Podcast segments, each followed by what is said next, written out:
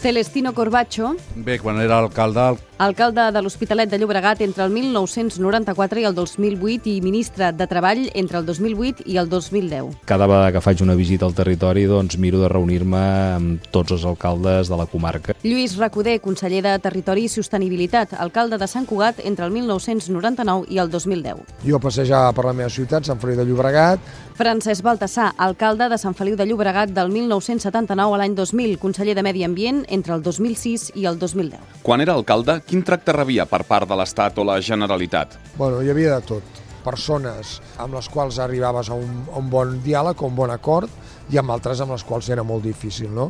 Jo crec que hi havia el tarannà personal i en alguns casos segurament doncs, sectarisme possi possible, diguéssim. No? Hi havia actituds molt col·laboradores i actituds, eh, diria que més aviat sectàries, no? en el sentit de que no em tractaven en funció de que era alcalde d'una ciutat com Sant Cugat, sinó en funció del color polític. un excés, per una banda, de legislació i a la vegada també doncs, una resistència important des del punt de vista econòmic. I quan va esdevenir conseller o ministre, com creu que tractava vostè els alcaldes? Vas tenir que viure eh, aquesta situació per al revés, no?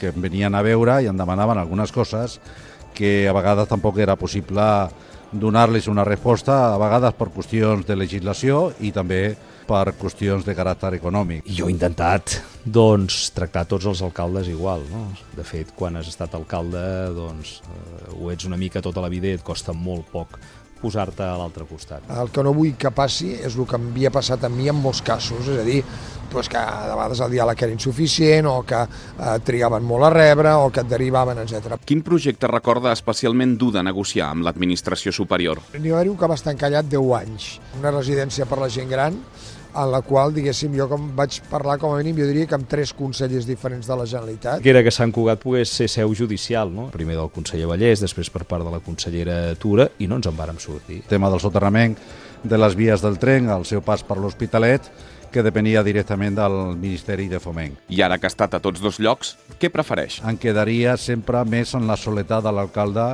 que no en la eh, poca disponibilitat eh, econòmica del ministre. Alcalde, alcalde, eh, és impagable. Cada cosa al seu temps. Això és com si et pregunten què estimes més, el teu pare o la teva mare, no?